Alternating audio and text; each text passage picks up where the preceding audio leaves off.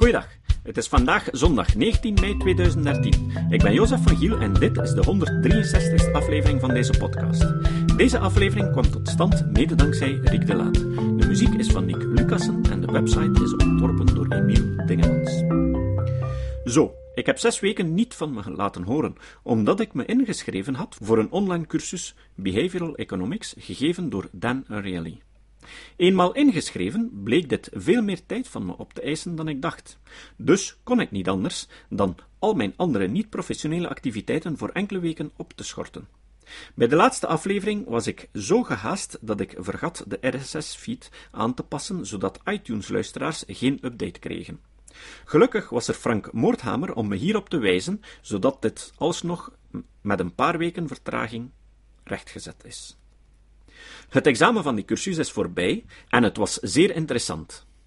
Daar gaan we dus weer met een nieuwe aflevering. Ik heb jullie de voorbije maanden verwend met één aflevering per week, maar ik vrees dat ik dat tempo niet meer zal kunnen volhouden. Ik hoop er toch twee per maand te kunnen brengen. Onlangs verwees ik op een sociaal netwerk naar het onderzoek van Dan Ariely over het verband tussen creativiteit en liegen. Iemand reageerde daarop door te citeren uit de Bijbel en me vervolgens op de filosofie van Thomas Kuhn en Paul Feyerabend te wijzen. In een volgende post zei hij me dat ik niet zomaar alles blind moet geloven. Ik wees hem op het feit dat wel hij en niet ik de Bijbel geciteerd had, en dat een opmerking over blind geloof dus eerder voor hem dan voor mij van toepassing was. Daarop werd mij aangeraden om de film Expelled van Ben Stein zien. Je weet wel, die creationistenfilm die gedraaid werd door biologen zoals Dawkins en Meyer te interviewen zonder oprecht te zijn over de ware toedracht van de film en ze dan buiten de context te citeren. Het leek de wereld op zijn kop. Ik werd op de slechtheid van liegen gewezen met behulp van een film dat vol leugens zat en van blind geloof verweten door creationisten die citeren uit de Bijbel. Regelmatig worden wij van weerwoord geboden door mensen die beweren dat het onmogelijk is om de echte waarheid te kennen en dat wetenschappelijke kennis dus niets meer waard is dan, pakweg, een religie. Ze beweren dat ze daarin ondersteund worden door tal van grote filosofen en dat de grote wiskundige Gödel dat zelfs wiskundig heeft bewezen. Maar hoe zit dat nu juist? Vandaag en de volgende keer gaan we daar dieper op in met een tekst van John Blumenfeld dat ik vond op de website van de New England Skeptical Society. Het is vertaald door Rick de Laat. De geschiedenis van de sceptische filosofie. Deel 1. Kan de wetenschap de huidige culturele, academische en filosofische trend naar een postmodernische wereld overleven? Eén waarin waarheid geen objectieve betekenis meer heeft. Voor wie een filosofie van de reden en kritisch denken volgt, is geen idee belangrijker dan de wetenschappelijke methode.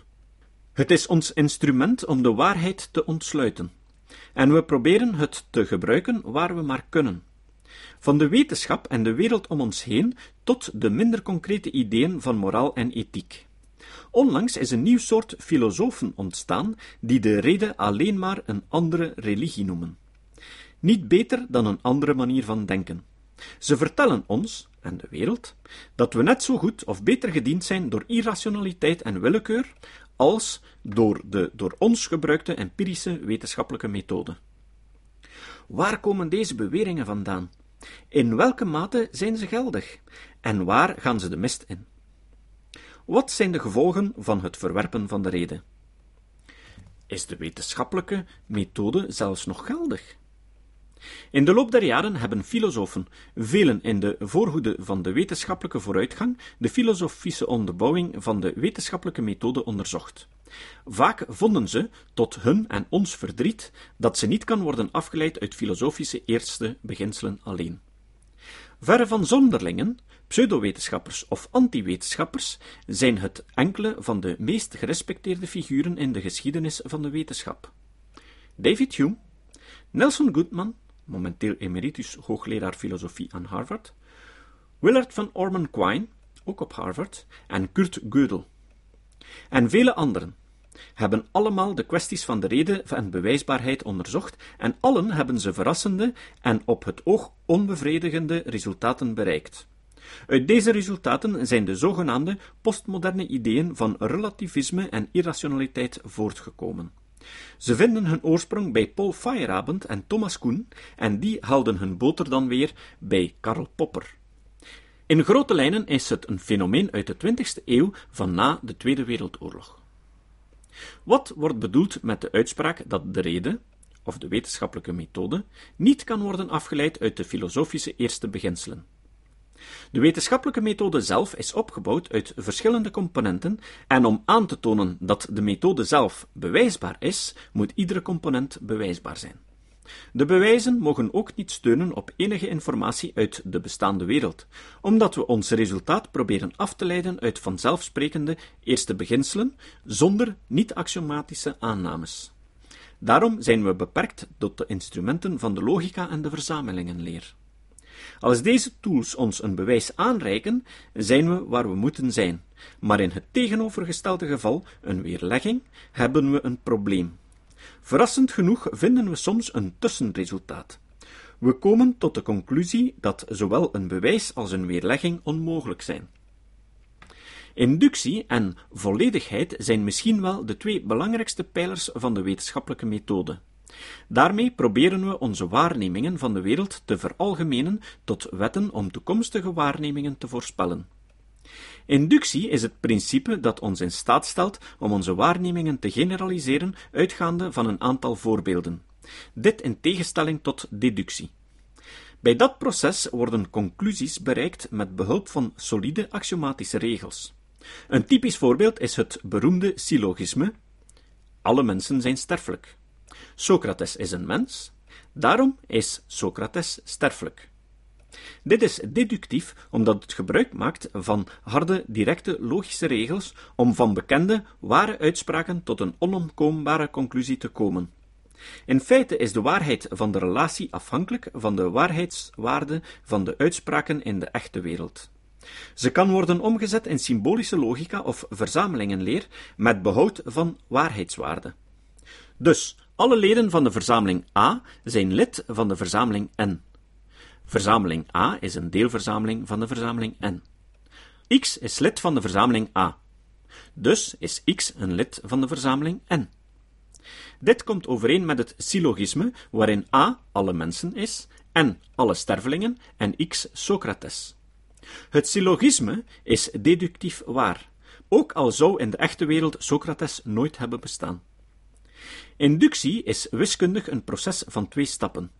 Ten eerste moeten we bewijzen dat als een bepaald generiek voorbeeld, noem het n, waar is, logischerwijs volgt dat het volgende generieke voorbeeld, n plus 1, ook waar moet zijn. Hieruit kunnen we een keten construeren die alle mogelijke voorbeelden omvat. Alles wat ons rest te doen, is te laten zien dat een echt voorbeeld, een uitgangspunt, waar is. Eens we ons uitgangspunt en onze ketenregel hebben, hebben we alles wat nodig is voor een inductief bewijs. Bijvoorbeeld, om te bewijzen dat alle positieve getallen groter zijn dan 0, kunnen we het volgende zeggen. Als n groter is dan 0, dan moet n plus 1, dat groter is dan n, ook groter zijn dan 0. We weten dat 1 groter is dan 0. Dus moet 1 plus 1 gelijk aan 2 groter zijn dan 0. Als 2 groter is dan 0, moet 3 ook groter zijn dan 0, enzovoort. Voor alle positieve getallen. Een triviaal voorbeeld, maar je snapt het idee. Volledigheid is het idee dat een systeem alleen maar ware uitspraken zal produceren en in staat is om alle ware uitspraken te produceren. Rekenkunde is bijvoorbeeld volledig wanneer het systeem a plus b is x alle ware sommen kan produceren. Inductie en volledigheid zouden ons samen alles moeten geven wat we verlangen van de wetenschappelijke methode. Want met beide samen kunnen we de resultaten van onze experimenten generaliseren. Elke waarheid in het universum zou kunnen bereikt worden met behulp van onze beproefde en ware experimentele methode. Helaas, zoals we zullen zien, volgen nog inductie in de echte wereld, noch de volledigheid uit logische en verzameling theoretische eerste beginselen. David Hume, de grote Schotse humanist, was een van de eerste moderne filosofen om de kwestie van inductie te onderzoeken. Hume onderzocht het concept van oorzaak en gevolg. Stel je een situatie voor waarin we twee gebeurtenissen A en B waarnemen. Keer op keer zien we dat gebeurtenis B na gebeurtenis A optreedt. Daarnaast zien we nooit een gebeurtenis B, tenzij onmiddellijk voorafgegaan door een gebeurtenis A. Kunnen we in dat geval zeggen dat B wordt veroorzaakt door A? De verrassende conclusie van Hume was dat het enige bewijs dat we hebben over het verband tussen de gebeurtenissen onze ervaring is en dat we daarom oorzaak en gevolg niet kunnen afleiden door de reden. Dit raakt de kern van de inductie, en dus het hart van de wetenschappelijke methode. Als we door de reden alleen niet kunnen aantonen dat gevolgen komen door de oorzaken, zijn we het eerste deel van onze inductie kwijt, waarin de waarheid van de verklaring van n plus 1 logisch volgt uit de waarheid van de verklaring van n. We hebben alleen nog maar ons uitgangspunt afkomstig uit ervaring. We kunnen ons een willekeurig aantal uitgangspunten indenken. We kunnen de zon elke ochtend zien opkomen en inductief redeneren dat de zon de volgende morgen ook zal opkomen. We kunnen gelijk hebben, maar we kunnen dit niet met behulp van logica en verzamelingenleer alleen bewijzen.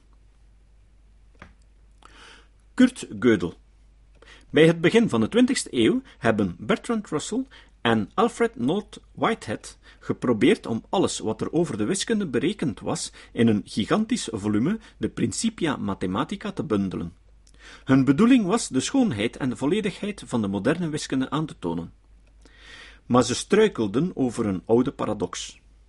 Wat is de betekenis van de volgende zichzelf tegensprekende verklaring? Deze uitspraak is onwaar. Als de uitspraak waar is, dan moet ze vals zijn. Maar als ze onwaar is, dan moet ze waar zijn. En zo verder tot in het oneindige. Russell kwam met het idee van de invoering van metataal. Geen enkel systeem mag uitspraken doen over zichzelf. Alleen de metataal kan iets zeggen over het systeem. Maar helaas bleven er paradoxen opduiken in de metataal. En dus was er een meta-metataal nodig om te praten over de metataal. En een meta-meta-metataal. En ga zo maar door. Gödel onderzocht dit fenomeen en kwam tot een ander verrassend resultaat dat nu bekend staat als de onvolledigheidsstelling van Gödel. Door iedere W-consistente recursieve klasse K van formules is een corresponderende recursieve tekenklasse R zodanig dat nog V gen R nog nig V gen R behoort tot FLGK, waarvan V de vrije variabele van R is. Verbijsterend niet? In gewone taal wilt Gödel dit zeggen. Alle consistente, axiomatische formuleringen van de getaltheorie bevatten onbeslisbare proposities. Ben je er nog steeds niet helemaal? Dit betekent dat uiteindelijk in elk systeem dat voldoende complex is om bruikbaar te zijn, er onbewijsbare ware uitspraken zullen zijn. Beschouw bijvoorbeeld in het wiskundig systeem van de Principia Mathematica de uitspraak deze uitspraak over de getallentheorie heeft geen enkel bewijs in het systeem van Principia Mathematica. Deze verklaring is onbeslisbaar met behulp van de Principia en is dus waar. Hou in het oog dat de Principia alle wiskunde wilde beschrijven, en toch is hier een ware uitspraak die wiskundig onbereikbaar is. De gevolgen hiervan zijn diepgaand, niet alleen voor de wiskunde, maar voor alle systemen, met inbegrip van de wetenschappelijke methode. Systeem, dus ook de wetenschappelijke methode, zal, als gevolg van de stelling van Gödel, uitspraken bevatten waarvan kan aangetoond worden dat ze waar zijn en uitspraken waarvan kan aangetoond worden dat ze vals zijn. Maar Gödel heeft aangetoond dat zo'n systeem ook altijd uitspraken bevat waarvan het onmogelijk is om aan te tonen dat ze waar of vals zijn, ofwel tegenstrijdig zijn. Dat betekent dus ook dat we de consistentie van het systeem niet kunnen aantonen, dat we niet kunnen bewijzen dat er geen valse verklaringen worden geproduceerd. Het resultaat van de stelling van Gödel is dat een systeem zoals wetenschap, niet kan worden ingeroepen om alle ware uitspraken te produceren. Nog kan worden bewezen dat het nooit een valse uitspraak kan produceren. Karl Popper, Paul Feyerabend en Thomas Kuhn. De grondslagen van de wetenschappelijke methode zijn dus niet af te leiden uit de eerste beginselen. Wat nu? Het antwoord van een nieuw soort filosofen was om de reden helemaal te verwerpen. Karl Popper begon zijn toespraken graag met: Ik ben gekomen om de wetenschappelijke methode te bekritiseren. Helaas bestaat er niet zoiets als de wetenschappelijke methode. Thomas Kuhn kwam met het idee van paradigma, waarbij grote veranderingen in het denken niet alleen leiden tot plotselinge veranderingen in theorie, maar in onze hele manier van kijken naar het universum. We veranderen in feite zoveel dat onze nieuwe kijk op de wereld onvergelijkbaar wordt met onze oude wereld. Hierdoor kunnen we de nieuwe ideeën niet vergelijken met de oude. Er werden pogingen gedaan om dit op te nemen in de wetenschappelijke methode door te zeggen dat nieuwe paradigma's onvergelijkbaar kunnen zijn met de oude, maar dat ze niet onvertaalbaar zijn. Bovendien brengt elk paradigmaverschuiving ons dichter bij de objectieve waarheid, dichter naar het juist zijn. Koen zelf verwierp dit door te zeggen dat het onduidelijk was en niet kon worden bewezen dat het ene paradigma niet beter of meer waar was dan enig ander. Ze zijn alleen maar verschillend. Paul Feyerabend, een beeldenstormer en luis in de pels, opperde het idee dat geen enkele theorie, hoe vergezocht of irrationeel ook, dient te worden verworpen of onbestudeerd gelaten. Theorieën worden beter door te wedijveren met andere theorieën. Aan alle ideeën zou moeten worden toegestaan om deel te nemen aan dit spel, zodat kennis als geheel kan vorderen, het irrationele samen met het rationele.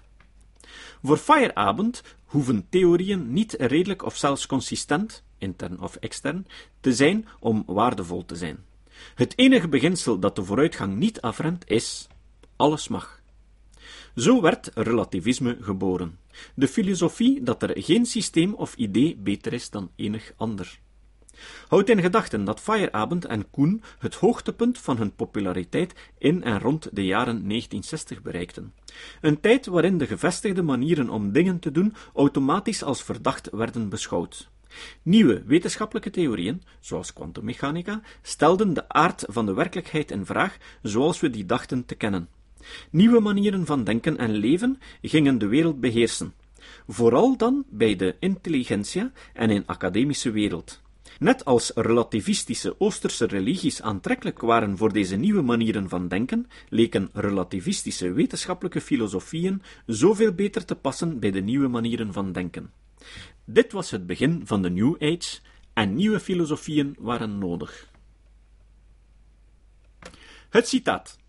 Het citaat van vandaag vond ik op een reactie van een zekere W.J. Wendy op de website van Richard Dawkins. Wendy zei: Logisch proberen te discussiëren met een theïst is als proberen te schaken met een duif. Tot de volgende keer.